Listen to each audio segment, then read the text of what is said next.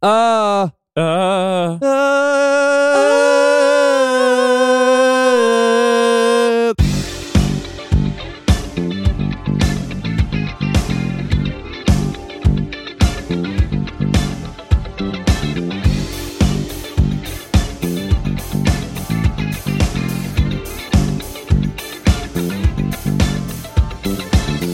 Det var ganska fint. Det var... Ja, nu har vi en game. Det hade vi från början också, för jag ställde in gainen medan vi satt och pratade. Ja, det gjorde det. Vi kommer nästan gå in på gain idag. Vad ska vi prata om idag? I, idag ska vi prata om eh, hur man spelar in ljud, Mm. eh, eller vad en ljudinspelning är. Så. Ehm, Ibland är det svårt att göra det korrekt med vår, så här, vår, vår tagline. ja, idag hade vi verkligen problem med att Ja. bestämma vad det här avsnittet kommer heta. Vi är inte riktigt överens än, nu när vi håller på att spela in det. Men eh, det kommer ju stå någonting när ni, när ni börjar spela upp det här. Ja, vi märker. Men ja, spela in ljud i alla fall. Och det är ju så här, vi, när vi sysslar med musik, det kan ju spela ljud live också, men du kommer ju ofta, på något sätt idag förstärker du ljudet. Eh, men så fort du lyssnar på musik via Spotify exempelvis, så är det ju inspelat ljud på Mm. något sätt. Exakt. Och Det är ju en hel kedja och en process och vi tänkte att det var lite kul att ge grunderna. Och det är så att det här är ju en så extremt stor process, Ja. så vi tänker att idag gör vi så här, vi skippar att prata om historia. ja. För den går att prata väldigt länge om och förklara väldigt mycket igenom. Så jag tänker att vi går bara direkt in på så olika delar att känna till. Det här grunden så att du kan fatta när du får mikrofoner och kablar och så Mm. hur du kan spela in någonting. Exakt. Det här är ju ett av de ämnena som är så ganska svåra att göra korta avsnitt om. Ja, gud, ja. Eh, för det finns mycket delar eh, och det, det finns vissa regler, men det finns också väldigt mycket undantag. Oh, ja. Eh, så, att, eh, så därför väljer vi att göra så. Precis. Men eh, ska vi börja med lite kablar då, eftersom jag nämnde det? Ja, precis. En av de viktigaste grejerna är ju kablar när vi har inspelning. Och eh, Vi har några olika typer av kablar. Mhm. Eh, om vi bara ska nämna de, de två största, Ja, eh, så är det XLR och Tele. jajamän. Och då tänker ni där ute, jaha, XLR och Tele, vad menar de nu? Jo, då är det så här, man brukar kunna säga att XLR det är den kabeln som man ser oftast mickar ha. Ja. Så vissa brukar nämna det som mickkabel. Precis. Eh, och telekabel är den som gitarrer Mm. eh, har. Ehm, och vissa då säger gitarrkabel. Eh, Jajamän. men de heter ju då XLR och eh, Tele. Så vad är grejen med XLR-kabel? Jo, eh, vet du, en XLR-kontakt är det ju. Ja. En XLR-kabel, eh, även kallad kanonkontakt, är en kontaktdon som är mestadels används inom typ ljudsystem, Mhm. mikrofoner och högtalare. Stämmer bra. Mm. De har två olika sidor, en hansida och en honsida. Just det. Hansidan är den med tre piggar, eller tre taggar, Precis. Eh, därav att den kallas hane. Ja. Eh, till skillnad från honsidan som har tre hål. Och här då, varför man vill ha en XLR-kabel är ju för att det är vad vi kallar för en balanserad Mm. kabel. Precis. Det vill säga att vi har två eh, signalledare, plus och minus, Ja. och en jordad eh, isolerad kanal. Mm. Ja. Ja.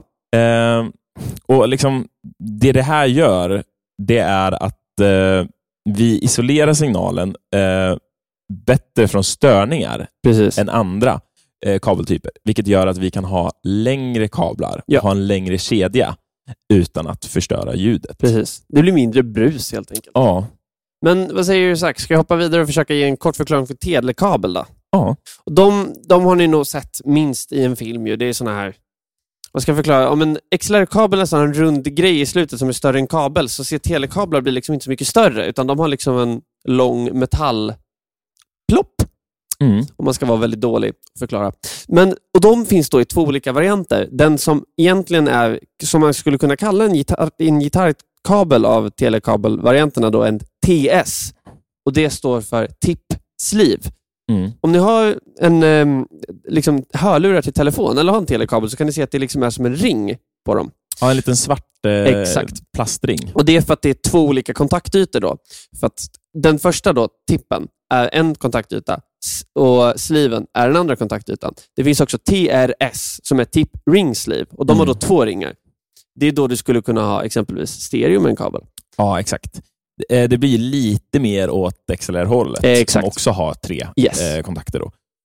Och då egentligen känns det som att en bra grej att nämna här, för nu är det här, det här är ju, vi gör ju det här hela tiden, så det glömmer man ju att tänka på. Men varför har vi ens kablar? Och Det är ju så simpelt som att ljudet görs om till elektricitet som sen ska skickas vidare. Mm. Och det är det kabeln gör. Ja. Det, det, det, det är det lätt sättet att förklara det. Eh, och En sak också varför vi har olika typer av kablar är för att vissa mikrofoner behöver ström. Ja. Eh, och Då är det vissa kabeltyper som kan skicka vidare ström. Mm, Till precis. mikrofonen. Och då tänker jag att det är perfekt läge att gå in på olika typer av mikrofoner. Mm. Vill du börja med de vi sitter med just nu? Ja, eh, just nu så sitter jag och Isak, eh, eftersom att vi är ju uppe i Luleå och spelar, eh, så har inte vi kanske de bästa mickarna för att spela in podd. Vi har eh, SM58 Shure Mm. Du har en beta, jag, Jag har beta. en vanlig, så jag är lite sämre än dig. Ah. Men så kan det vara. Och Den här mikrofonen då, det är en, en av de vanligaste mikrofonerna när man eh, spelar in sång, eller inte spelar in sång, eh, när man sjunger live. Ja. Eh, skulle jag vilja säga. Spela in sång gör man sällan på de här. Nej. Eh, och Det här är en dynamisk mikrofon. Eh, och vad då dynamisk mikrofon? Vad menar du med det? Ja, en dynamisk mikrofon det är liksom en tålig och pålitlig mikrofon och används mest i liksom PA-system. Mhm. Eh, just live då, för att den är den är inte så känslig. Nej, de flesta dynamiska mikrofoner kan klara rätt mycket stryk. De Ja, är exakt. mindre känsliga än andra mikrofoner. Ja, Det man, kan vi säga. Ja, exakt. Om man ska liksom gå in på vad de gör då. Jo, de, äh, de omvandlar ljudvågor till elektroniska signaler genom ett membran med ett elektriskt spole som rör sig i en fast magnetfält. Exakt. Och Det är därför de är också de är lättare, de är lättare, de är hållbara helt enkelt. På Ja. grund av det. Ska jag gå in på nästa? Ja, Och Då kommer ni förstå varför de andra är mindre hållbara. Nej, men den näst vanligaste typen av mikrofon efter dynamiska då är kondensatormikrofoner. Ibland, eh, om ni är på livemusik, så finns sådana här overhead-mickar till trummor, alltså när man mickar upp cymbalerna. Och Då kan det vara kondensatormickar. Annars som ni ser i en så fin sångstudioinspelning så har de ofta någon så här fräck mick. Det är Mm. väldigt, väldigt ofta en kondensatormikrofon. Och Kondensatormikrofon skiljer sig från dynamiska mikrofoner då de behöver ström. ja, Och Det är det som kallas antingen fantommatning eller 48. ja. Man brukar kunna se det på en mixerbord, så då står det ett, ett V och så står det 48. Och trycker man in det, då skickar man ut då fantommatning till mikrofonerna, alltså en Precis. strömsignal. Yes. Eh, eh, för att de ska orka driva ljudet. Exakt. Och skillnaden här då, varför behövs det ström? Tänker jag? Nej, men det är för att i en kondensatormikrofon eh, så består det liksom av ett eller två membran som har en mellanliggande elektrod. Och Det strömmen används till då, det är att skapa ett magnetfält. Och när, när det kommer ljudvågor så förskjuts det här magnetfältet och strömmen laddas ur och används som ljudsignalen. Mm. Och Det betyder alltså att de här detaljerna kan vara mycket mindre för i en, en, en vanlig dynamisk mikrofon, eller vanlig, vanlig en dynamisk mikrofon, så går det bara på den fysiska kraften. Mm. Medan här kan det göras mycket mer detalj, Mm. vilket gör att du kan få mycket snabbare transienter, alltså det Mm. första klicket i ljudet, och du kan få mycket tydligare ljud helt enkelt. Mm. Det är som om du har en mindre penna Ja. istället för tjockare penna. Jag tycker att det här märks väldigt tydligt när man använder just eh, dynamiska och kondensatormikrofoner. Att Ja. Om man tar bort, om man bara eh, liksom, om man pratar i micken och sen så bara rör man micken lite bort från sig, som Ja. jag gör nu, då försvinner. Väldigt snabbt. Ja, eh, till skillnad då från eh, kondensatormikrofoner Ja. som har en bättre känslighet liksom, för, för utrymme. Och Det är ju både en fördel och en nackdel. I det här fallet är det jättebra att vi inte har det, för då skulle ni höra rummet mycket mer. Men när du har ett bra behandlat rum kan det vara väldigt fint med en kondensator. Det hade också blivit jättejobbigt för oss att mixa när vi sitter bredvid Ja, varandra. usch, usch. Och Sen finns det en annan micktyp som jag tänker är värd att nämna, som är lite som kondensatormikrofoner. Och Det är sådana som heter bandmikrofoner, eller ribbonmikrofoner. Det är de som oftast, jag brukar tänka på dem som väldigt vintage-mickar. Och Det baseras på att det är just som en, ett band som hänger, som fungerar som membran. De är väldigt känsliga. Det, det är det värt att nämna om dem. Det går att googla mer. Men sen innan vi hoppar ifrån mikrofoner så kanske jag tänker att det finns ju faktiskt olika typer av mikrofoner. Ja, Vilka olika typer tänker hur de fungerar? Även när de är dynamiska eller kondensator? Finns det en detalj till? Ja, precis. Och Då är det själva omfånget av ljudet på micken. Mhm. Och Där har vi tre lägen. Vi har njure, åtta och omni. Precis. Och vad menar jag med det här Isak? Ja, det fina med det här är att du just har förklarat med i bild Mm, hur de funkar. exakt. Eller omni kanske inte är så bra uttryckt. Om vi Nej. kallat omnicirkel så hade allting varit jättefint. Ja, Men eh, det är nästan där. Omni är ju allomslutande, så att det, det är good enough. Njure är ju då alltså en mikrofon som tar upp som en njure. Alltså det blir som en cirkel fast den drar in mot mitten på ena sidan. Så att det blir liksom ett ställe där den inte tar upp. mm, Och Det kan ju vara varierande i storlek då, men det blir ofta ändå ett relativt stort område. Mm. Och Det är sådana mickar vi har just nu. Så Ja. om jag pratar så här, så låter jag på ett sätt. Men när vi skulle gå till andra sidan membranet, så låter jag antagligen ganska mycket mindre. Mm. Och Det är för att det är en njuremikrofon. Åtta däremot, vad är grejen med det? åtta det är som två njurar, Mm. riktade åt två olika håll. Vilket då skapar en liten fin åtta. Exakt. Och det, Sen har vi då så såklart Omni då, som bara är, den, den tar upp allt ljud runt omkring sig. Ja, det är bara en stor cirkel. Det är bara en stor cirkel. Det, det är simpelt, enkelt. Eller Eh, väldigt svårt. Och en, en viktig sak när vi kommer in på mikrofoner eh, och just eh, när vi har pratat nu om fantommatning. Jo, det, och det är vissa mikrofontyper som inte tål fantommatning. Precis. Som alltså tar skada av det och till och med kan gå sönder. Ja. Så det är inte så här, om ni står vid ett mixerbord och tänker åh nu funkar inte någonting. Tryck inte på fantommatning på en gång. Nej. Utan koll, googla och kolla upp Ja. vilken mick Ja, ja. ni har så att ni inte tar skada på mikrofonen. Och samma sak med mickar som ska ha fantommatning. De ska inte kopplas in när fantommatningen redan är på. Nej. Utan du ska koppla på den med gainen nedställd på noll. Sen slår du på fantommatningen, allting är kopplat och sen stänger du av den innan du drar ut micken. Ja. Det, det är så en kramar sina mikrofoner. Cool! Tänk att vi djupdyker vidare här. Nu har vi gått igenom mikrofoner och kablar. Sen har vi det här eviga med analogt och digitalt. Va? Ja, analogt och digitalt. Det är ju två liksom, eh, läger i musik, kan man säga nu mm, vid inspelning. Mm. Vad är den rätta sidan? Jag tycker inte att någon sida är värst rätt. Nej. Men analogt, det är att vi spelar in, eh, som man gjorde förr i tiden, Precis. när man spelade in på band. Mm. Ehm, så då har vi liksom en, en ljudsignal som går in, Mm. eh, som sen, eh, hur fan ska jag förklara det här på ett enkelt sätt? Jag tänker att det lättaste sättet att förklara är om du tänker att du har ett rullande papper Ja, och en penna som går upp och ner beroende på hur ljudvågen ser ut. Så Ja. den försöker liksom rita av ljudvågen. det är fan en bra Det, det, Eh, det är beskrivning, väldigt, väldigt fel, men det är väldigt, väldigt lätt att förstå. Det är, väldigt lätt att för, det, är, en- det är en jättebra beskrivning för ett första avsnitt på Eller hur? ljud. Vi kan gå in sen på hur det egentligen fungerar med eh, liksom spån av eh, magnetiskt material och sådär, men det, det tar vi sen. och sen då digitalt, Ja. det är att vi har eh, som eh, våra audio interfaces, Ja, våra ljudkort på svenska, exakt. eh, som vi då skickar in ljudet i, som Ja. konverterar det då till ettor och nollor Yes. och skickar vidare det in i datorn. Och den har jag också jättebra beskrivning på. Mm. Det som du tänker är att du gör ett sånt här fyll i själv-system. Där du ska så här, du får punkt 1, 2, 3, 4, 5, 6, 7 och sen ska du rita en giraff. Ah. Det är så det numreras sen i datorn. Så Mm. att det gör liksom en fyll i hur ljudvågen såg ut egentligen, Ja. som den sen ger i sifferform. Ja. Så du får liksom ett sånt här punktsystem som du får i en, eh, liksom, en ritbok. Exakt. Och här då så är det ju att när man förklarar liksom analogt och digitalt, då brukar vissa säga varför de föredrar analogt över digitalt är för att det är en ren ljudbild som går in istället för att det är en dator som konverterar ljud Precis. till ettor och nollor och sen ska spegla samma sak efteråt. Ehm, och Jag har liksom fått den här förklarad som att eh, om man kollar på en tavla som är målad och sen så skulle man göra exakt samma tavla fast man skulle göra den i Minecraft precis bredvid med små fyrkanter. Det är lite som att man skulle ha analogt och digitalt.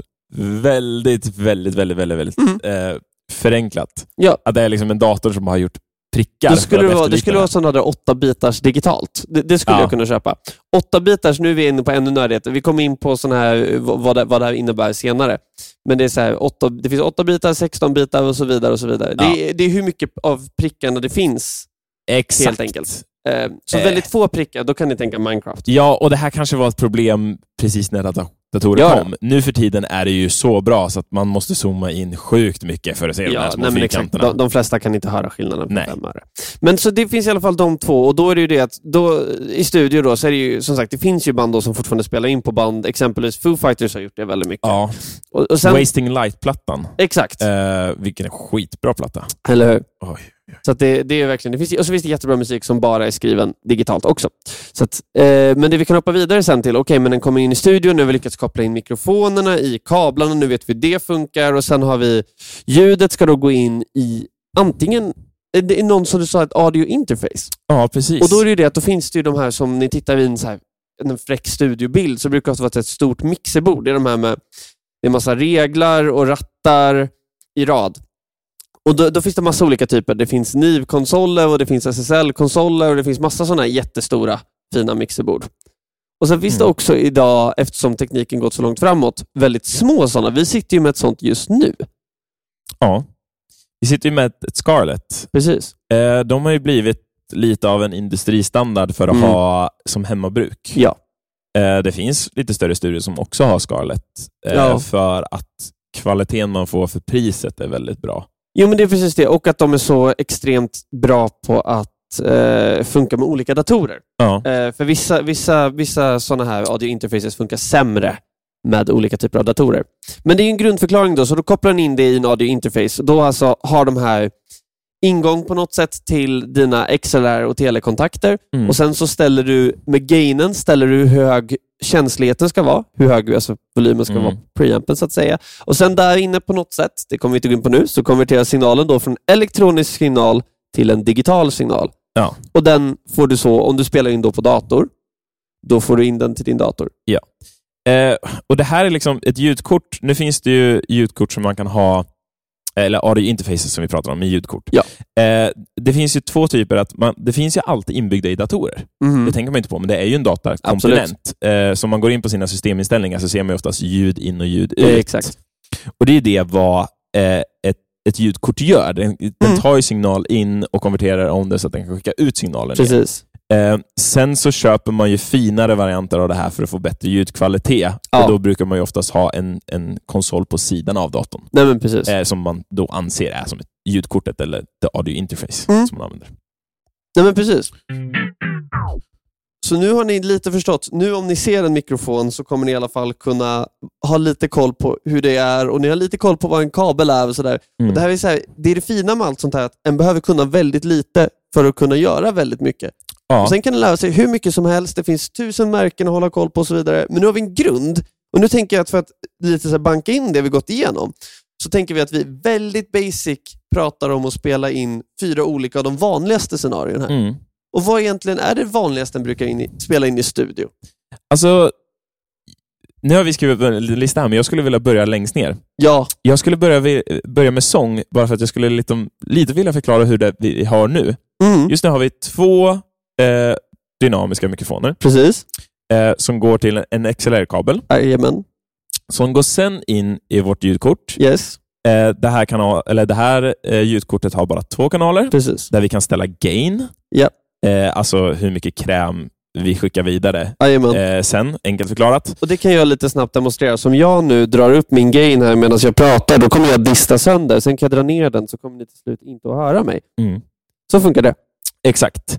Eh, på de här sitter ju också då eh, em, fantommatning, ifall Yes. man skulle behöva det. Och sen finns det också eh, en monitor-knob för att Ja. kunna skicka ut ljudet till högtalare, ifall Exakt. man skulle vilja det.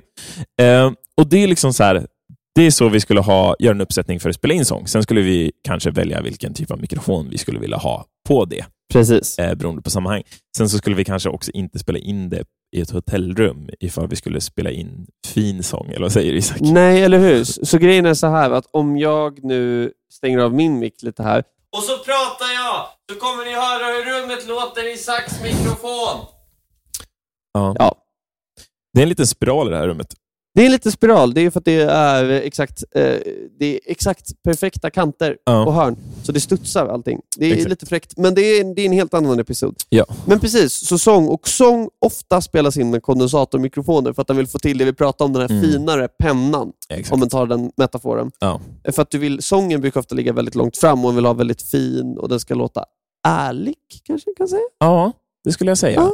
Dynamiska mikrofoner färgar ju väldigt mycket. Mm. Just, Precis.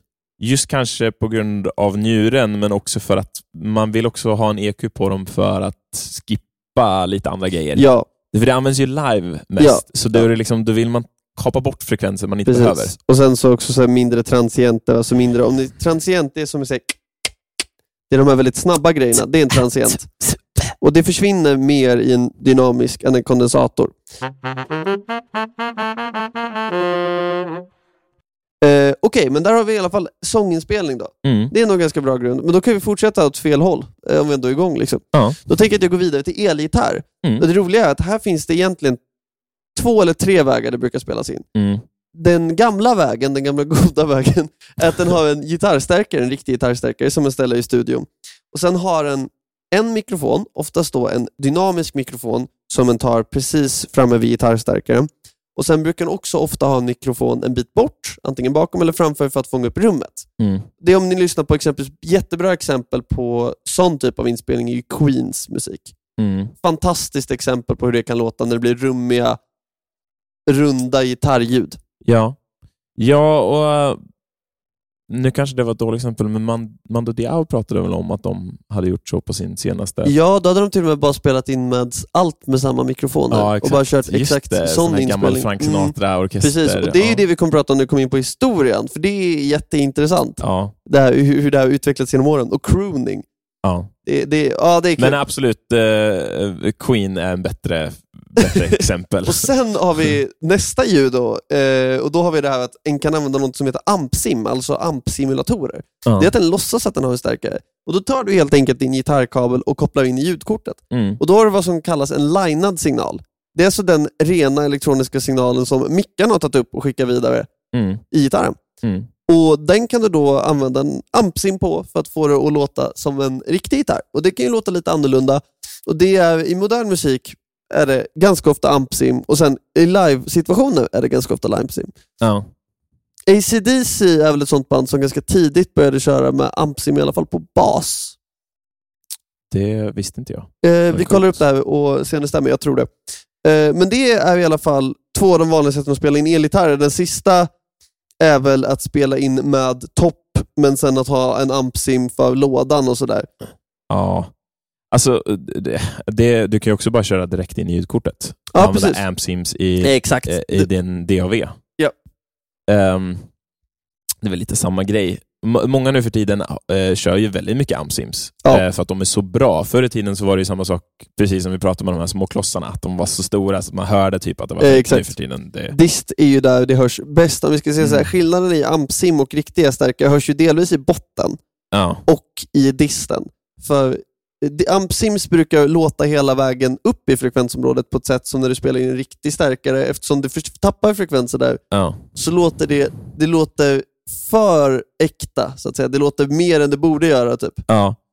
Eh, och Det är till och med så att vi använder Amp Sims live nu också. Ja. Jag har ju det i mitt mixer. Jag har, Ja. ju, jag har ju en stor mix, ett, ett stort mixerbord och Precis. sen har jag en liten digital mixer som vi åker ut med ibland. Ja. Och Då kör vi Amp Sims direkt i Fantastiskt. den. Eh, RCF eh, M18-mixen. Det- Så det, det, det, vi lever i framtiden. Men akustisk gitarr vet jag att du tycker om. Vill du förklara lite hur en basic kan spela in det? Ja, jag vill bara ta en till sak på elgitarr. jag vill bara nämna att elgitarr så börjar vi ju, eh, hela kedjan med en telekabel Ja. från gitarren in i gitarrstärkan. Mhm. Sen så oftast mickar vi upp och skickar vidare då via XLR. Ja. Eh, vidare.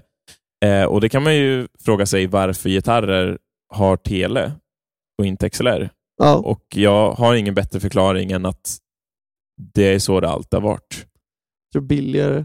Ja, Jag tror det är något alltså- sånt där. Det behöver ju kanske inte vara en bättre kedja, men jag har också hört, det, det enda förklaringen jag, när jag pratar med folk om det här är bara att man vill ju ha lite av det där gitarrbruset. Jag bara, okej. ja. Det som jag noise gatar bort hela tiden. Absolut, det var det jag var ute efter. Ja, eh, för att man skulle ju kunna ha en mini, mini XLR. Bara en liten side-note. Ja, jag håller med. Ehm, Vi får bygga XLR-gitarrer. i, i det liksom. Eh, om man skulle då kolla den hela analoga kedjan, då hade man ju spelat in med mick, framförstärkan, in i ett band, alltså om man hade spelat in via band. Eh, sen så har vi vad jag kallar för semi-analogt. Det är att vi mickar upp en stärkare men fortfarande skickar in den i en audio-interface som vi Ja. sen mixar om. Och sen helt digitalt, Yes. bara eh, AmpSim rätt in. Rätt in i ljudkortet. Eh, men akustisk gitarr, eh, det är ganska mysigt. Eh, en akustisk gitarr spelar man ju väldigt sällan in via telekabel. Det finns ju halva, eller halvakustiska gitarrer som i livesyfte har en telekabel ut Japp, för att den har en mick på insidan och blir lite simplare Yes. att hantera. Men när man spelar in den i studio då vill man ju helst micka upp den. Ja, Eh, och Det är många som använder kon- kondensator, precis av samma anledning som sången, att man vill ha en liten ärligare och renare Ja. ljudbild. Eh, jag kan tycka att dynamiska mikrofoner kan vara ganska skönt. Och det kan Mm. vara ganska nice att blända också. ja verkligen. Eh, framförallt kanske sätta en eh, bara en SM57 på Mm. baksidan av gitarren. Precis. kan jag tycka var en sån här fet Ja, det Det var ett tips jag lärde mig av eh, min kompis Marcel Ah, kul. Tiggerman som är producent nere i Göteborg. Nice. Ja, det finns ju några sådana där olika. Det är här, vad är det mer vi har? Vi har den här mick upp en vid tolfte bandet och mick upp en längre ner. Så Ja. att du kan få en varmare mick och en kallare mick. Exakt. Och En sak där är ju också att eh, det, ju längre ner du kommer på gitarren, Mm. ju basigare är det ju. Exakt. Eh, för det är där liksom ljudet kommer ut ur kroppen. Eh, längre upp på halsen så blir det lite mer högre. Övertoner. Ja, exakt. Det är ju övertonserien vi egentligen har. Det här Ja. kommer också bli extra för stort, för det här Ja. tycker jag är skitkul. Och det är liksom...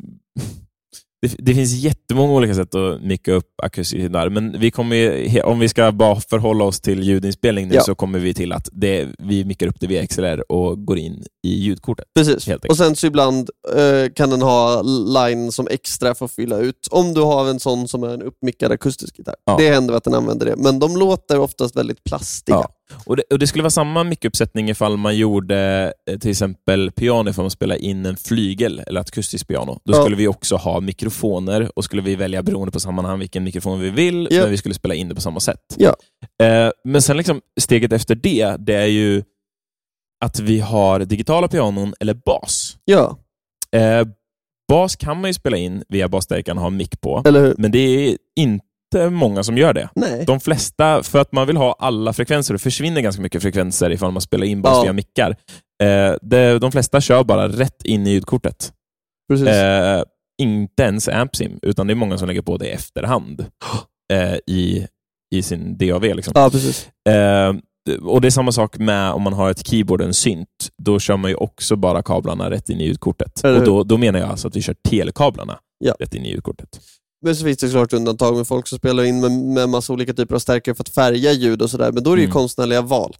Och det är ju jättekul, det kan du leka med all evighet. Ja, och det man brukar kunna göra för att få en renare signal, det är också att man har eh, telekabel och så kör man sin DI-box Ja. eh, och konverterar till XLR. Framförallt om man har en studio som bara har XLR-portar. Eh, då måste man ju konvertera dem via en DI-box eh, Ja. innan man skickar vidare till... Nej men exakt, nej men precis. Nej, men det, det tycker jag, det, det är nog lagom. Då, då plockar jag på mig trummor här då Zack, jag hoppas det är okej. Det är helt okej. Ja, vad bra. Nej, men trummor är ju ett sånt instrument som kanske många tycker är svårare att spela in, delvis för att det, är så mycket mikro, det brukar bli så mycket mickar. Mm. För det är så i trumset, det, det, om vi tar den grundläggande uppmickningen, det en brukar ha då är att en har en mikrofon till kicken, Mm. Eh, för att fånga basfrekvenserna där. Mycket av det och sen kanske lite av klicken också. Mm. Eh, det är ju de två största faktorerna i hur det låter. Och sen till snaren då, för snaren är ju delvis det med att det är en sägarmatta, så brukar den ha en mikrofon över och en mikrofon under om man har möjlighet. Mm. Sen brukar den ha en mikrofon till hi-haten och sen en mikrofon till varje puka och sen oftast ett stereopar, alltså ett, Mm. två mikrofoner som en tillsammans vill fånga en större ljudbild för symboler. Ja. Och det är den grund, grund trumuppsättningen. Ja. Det här kan vara en hel episod om. Ja, det här ändrar sig jättemycket. Ja. Eh, och En viktig sak att säga, liksom, med trummor att det är ett väldigt lätt instrument att kunna få liksom, fasfel på. Mm, verkligen. Eh, framförallt på virven då, eftersom att vi vickar upp samma, eh, samma trumma fast på två olika håll. Ja. Ehm, och Vi kommer också gå in mer på vad, vad fasfel och så är. Vi tar inte riktigt det i det här avsnittet. Men, eh, men det, är, det är någonting som man vill undvika i alla fall. Eh, men jag tyckte det var en jättebra beskrivning. Uh, trummor har ju mycket, det är samma sak där, på själva pukorna och virveltrumman, då kanske man har dynamiska mickar. Exakt. Eh, och när vi kommer till overheadsen så har man kondensatormickar. Det Precis. brukar ju vara väldigt, av samma anledning där. Man vill Ja. ha rummet och man vill ha ärligheten eh, från overheadsen och sen så vill man ha attacken mycket eh, ifrån eh, närmickarna. På, Ja, precis. Och sen Eh, också kunna se till att det inte blir för mycket attack. Ja, och framförallt liksom varför det är en så stor skillnad till exempel på micken för virven och micken för baskaggen är ju för att i baskaggen så vill vi inte ha de högre frekvenserna. Nej. Eh, Så de ser oftast eh, ganska annorlunda ut och de har också en, en naturlig EQ-kurva som tar bort mycket high-end. Nej, men exakt. Ehm, Det, där har ni en grundläggande beskrivning och då är det ju återigen, då är det ju alla de här mikrofonerna vi pratar om nu, de kommer ju i 99 fall av 100 använda XLR-kablar. Ja. Och där blir det ganska mycket mickar. Det är svårt att komma undan och göra en ordentlig truminspelning utan 8 till 10 mickar. Väl? nej, jag, jag vill inte gå under 10 egentligen. Nej. Eh, även om jag bara kör två eller tre hängpukor. Alltså, det Nej. handlar inte om hur många pukor nödvändigtvis, varför jag vill ha 10, men det handlar om att jag, jag gillar att ha både overheads och sen gillar jag, man brukar också kunna ställa två par mikrofoner i rummet, precis som man gjorde med gitarrstärkan, Precis. eh, för att få ett, ett större omfång. Nej, men Ehm.